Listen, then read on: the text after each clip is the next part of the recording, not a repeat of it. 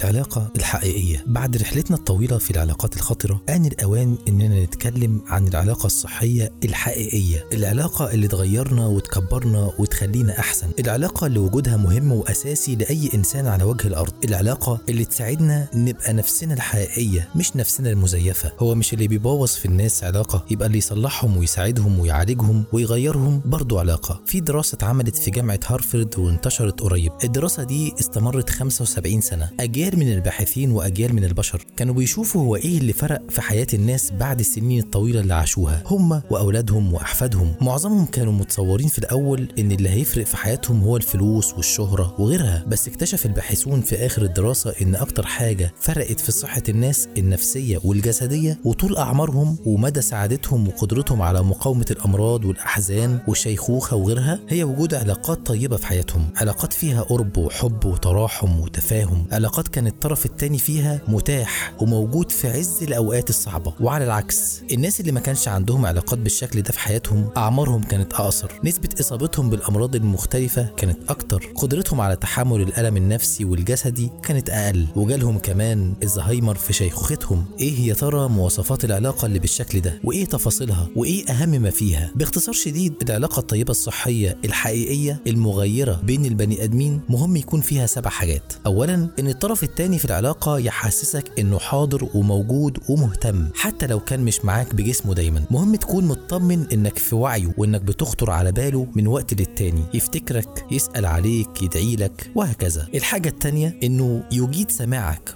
والإصغاء ليك وقت ما تحتاج ده ويبقى متابع ومهتم ومتفاعل مش ودانه معاك ودماغه في ألف حتة تانية. ده يوصل لك قد إيه هو حاسس بيك وفاهمك ومهتم بوجودك ومقدره. الحاجة التالتة هي إنه يقبلك ويحترمك بدون شروط. مش معنى كده إنه يوافق على كل اللي بتعمله. القبول حاجة والموافقة حاجة تانية خالص. لكنه قابل وجودك وقابل عيوبك وأخطائك ومواطن ضعفك وعجزك وفشلك وعنده استعداد يساعدك علشان تتغير من غير ما يضغط عليك ولا يحسسك بالذنب ولا يهددك بالبعد. ولو ما اتغيرتش هيقبل ويصبر وما يستعجلش عليك. رابعا مش هيحكم عليك أي حكم ديني أو أخلاقي أو قانوني تحت أي ظرف من الظروف. هو هيشاور لك ببساطه على بعض الحاجات لكنه مش هيتعامل معاك على إنه قاضي أو مصلح اجتماعي أو رجل دين. خامسا هيحط نفسه مكانك دايما فيحس بيك ويفهمك ويشوف احتياجاتك ويرجع مكانه تاني علشان يعذرك ويسامحك ويساعدك وفي نفس الوقت يسمح لك تعمل كده معاه. أنتوا اتنين في علاقة رايحة جاية مش واحد في علاقة مع مراية. الحاجة السادسة إنكم تكونوا حقيقيين في العلاقة يعني كل واحد فيكم يكون نفسه. ما نمثلش على بعض مش كل واحد فينا لابس قناع قدام التاني. يقلعه بمجرد بعده عنه. اللي جوانا نقوله لبعض اللي نحسه نشاركه مع بعض